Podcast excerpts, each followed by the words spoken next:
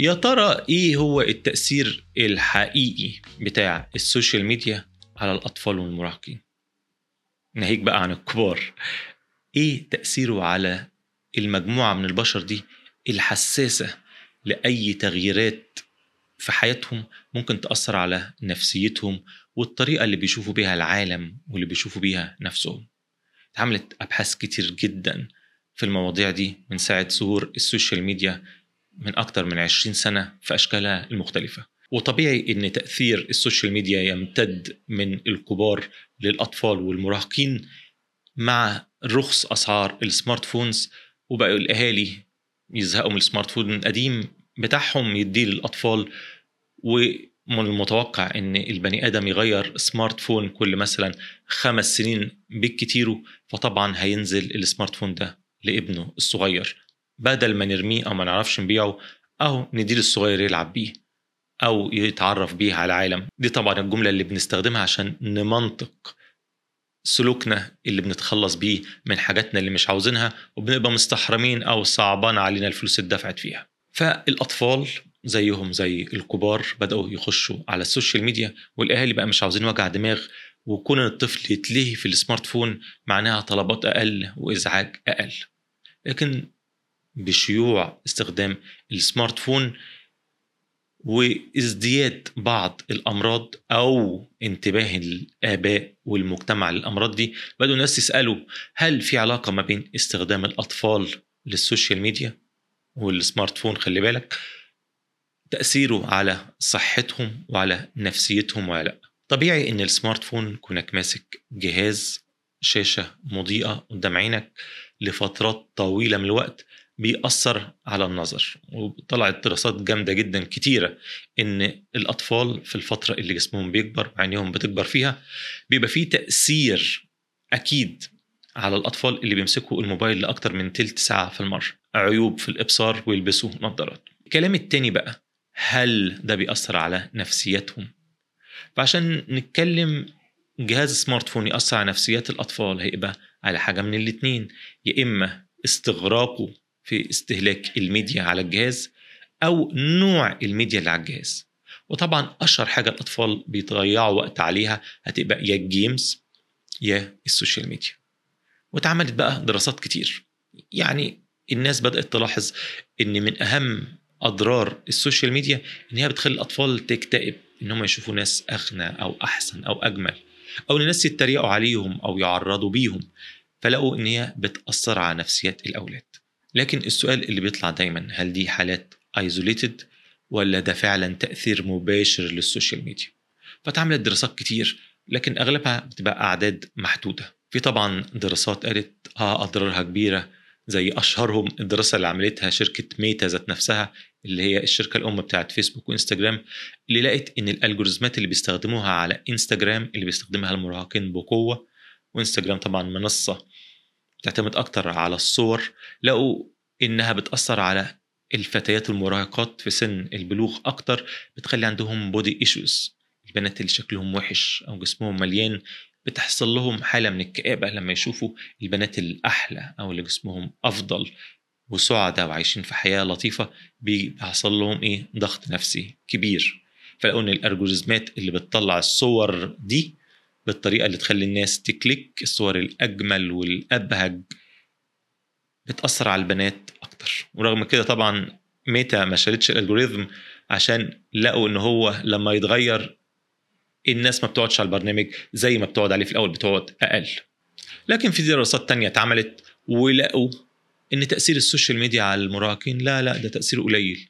يا دوبك كده يعني بيعمل آه طبعا تأثير نفسي وممكن يكتئبوا لما يلاقوا حاجات تقلل منهم أو حاجات تخوفهم أو أو أو. لكن تأثيرها ما يختلفش وما يتخيرش عن مثلا لبس النضارة. يعني الأطفال اللي بيلبسوا نضارة بيحصل لهم نوع من إيه؟ من الاكتئاب أو الخنقة عشان النضارة بتقيدهم.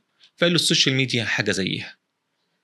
لكن بقى اللطيف في الأمر إن نفس الناس اللي عملوا الدراسة بتاعت تأثيرها هو تأثير النضارة. عملوا بقى دراسة أكبر كتير على أطفال ومراهقين بريطانيا. الدراسة كان فيها 84 ألف طفل ومراهق. وبدأوا بقى يشوفوا عملوا بقى questionnaires و survey كبير عبارة عن أسئلة ومراقبات للأطفال دي والمراهقين يشوفوا تأثير ال social media على حياتهم. طبعا التغطية الصحفية للأبحاث دي ما بتخشش جوه التفاصيل وأنا الحقيقة برضو ما اهتمتش إن أنا أخش فيها ما عنديش وقت لكده للأسف. لكن لقوا إن لأ طلع ال social media ليها تأثير على المراهقين في ثلاث مراحل مرحلتين للولاد ومرحلتين للبنات. منهم مرحلة مشتركة بين الجنسين. لقوا إن ليها تأثير فعلا ضار على البنات في الفترة العمرية ما بين 11 ل 13 سنة. وقت معظم بلوغ البنات بالذات في أوروبا. وعلى الولاد من سن 13 ل 14 15 سنة. سن البلوغ عند الولاد برضو في أوروبا. دي بتبقى فترات البلوغ عند الولاد وعند البنات. بطريقة تقريبية طبعا. تلاقوا فعلا إن فترة البلوغ الأطفال بيكونوا عرضة أكتر للتأثير بتاع ال social media. حاجة تخضهم حاجة تخوفهم حاجة تشككهم في نفسهم. ولقوا المرحلة الثانية اللي بتأثروا فيها المراهقين هو سن 19 سنة. اللي هو عندهم برضو سن قريب من دخول الجامعة اللي هو بينفتحوا على الحياة أكتر وبيحتكوا بناس أكتر. فممكن يتم التنمر عليهم بطريقة بقى مباشرة من غير بقى كسوف. أنت راجل adult كبير فيعني لما حد يشتمك ولا يتريق عليك أو إنك تكون نزلت شغل كمان غير الجامعة شغال بقى في مكان بعد الظهر أو الصبح وما دخلتش جامعة. فالفترة دي اللي الطفل بيخرج بقى من بيت أهله ويحتك بالمجتمع العريض. فالدراسة لقيت إن آه لأ فعلا. في ربط ما بين استخدام ال social media والمراهقين في المراحل دي. لكنهم برضو ناس محللين كتير بيقولوا بس مين قال إن ال social media هي السبب. ما يمكن دي التغييرات العادية اللي بتحصل في الأطفال دي في السن ده وإن الناس اللي طلعت في عندهم مشاكل نفسية الناس دي من الآخر هم النسبة ال vulnerable النسبة الحساسة للمجتمع اللي عرضة أكتر إن يجولهم الأمراض دي. واستخدامهم لل social media ما هو إلا طريقة لل coping للتأقلم أو الهروب من مشاكلهم دي. وال social media بريئة ملهاش أي ذنب بمشاكلهم النفسية. لكن أنا بقى الحقيقة عندي شكوكي على الدراسة دي كلها. صحيح ما قريتهاش ولا هقراها بس مش عارف ليه كده شامم فيها تأثير ال social media وشركاتها ولو من بعيد. يعني طبعا أما يبقى في عندك data الناس اللي عاملين الأبحاث مش هيقدروا يكذبوا ولا يكذبوها ولا يخبوها. لكن طريقة تفسير أهمية ال data تخليني أشك فيهم الحقيقة وفي يعني إيه وجهة نظرهم. بلاش نقول إن ال social media companies أو شركات ال social media دفع لهم أو مأثر عليهم بطريقة مباشرة. هم ذات نفسهم أنا أظن إن ممكن يكون عندهم bias نفسي أو فكري إن هم مش شايفين إن ال social media بتأثر كده.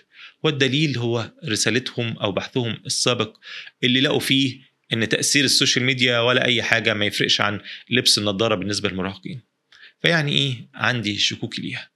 خصوصا إن أنا بشوف اللي حواليا وطبعا ده ما ينفعش في البحث العلمي إن أنت تقيس تجربتك أو طريقة تفكيرك على الناس ككل. ممكن تفكيري أنا يكون غلط. ممكن الحالات اللي حواليا تكون حالات isolated هي تكون الحالات الشاذة أو اللي تأثيرها قليل. لكن ايا كان أنا بقول ده رأيي أنا الغير ملزم والغير علمي كمان بالأساس. لكنه observational أنا بقول إن ال social media ليها تأثير ضخم على نفسيات الكبار جدا وبتأثر على طريقة تفكيرهم ونظرهم للعالم من حواليهم. ده الواحد فيهم يقرأ كام post على الفيسبوك يتخيل نفسه خلاص بقى خبير في الموضوع ده. أو بتأثر جدا على قراراته. حد adult كبير واعي عنده خبرات طويلة عميقة وراه. يعني شاف واختبر الدنيا. فما بالك بقى بطفل صغير؟ في العالم المفتوح اللي الأهالي بدأوا ينسحبوا أكتر وأكتر من تربية ولادهم مشغولين بالشغل جايين تعبانين من الشغل والأهم هم ذات نفسهم منكبين على ال social media وعلى التلفزيون وعلى وسائل الترفيه عاوزين يغيروا عن جو ذات نفسهم. فإذا كانوا الكبار بيتأثروا بال social media بالطريقة دي فما بالك بالصغيرين؟ عاوز تقول لي إن ال social media مش هتأثر في تفكيره والأنقح في نفسيته؟ يقرا post ديني يخليه دايما حاسس بتأنيب الضمير أو إن هو يشوف يدخل على النت الأوسع عن طريق السوشيال ميديا يخش على حاجات تغير في تفكيره من غير طبعا رعاية أو تدخل الأب. طبعا بتأثر وبتأثر بطريقة مهولة وايا كانت الدراسة دي ده كلام أي كلام.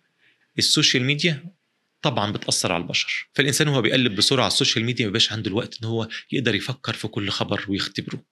بل بالعكس أنت لما تعمل follow لأشخاص من نفس الدايرة سواء بقى يمينيين يساريين متدينين أنت فكرك بيتحول زيهم بمرور الوقت.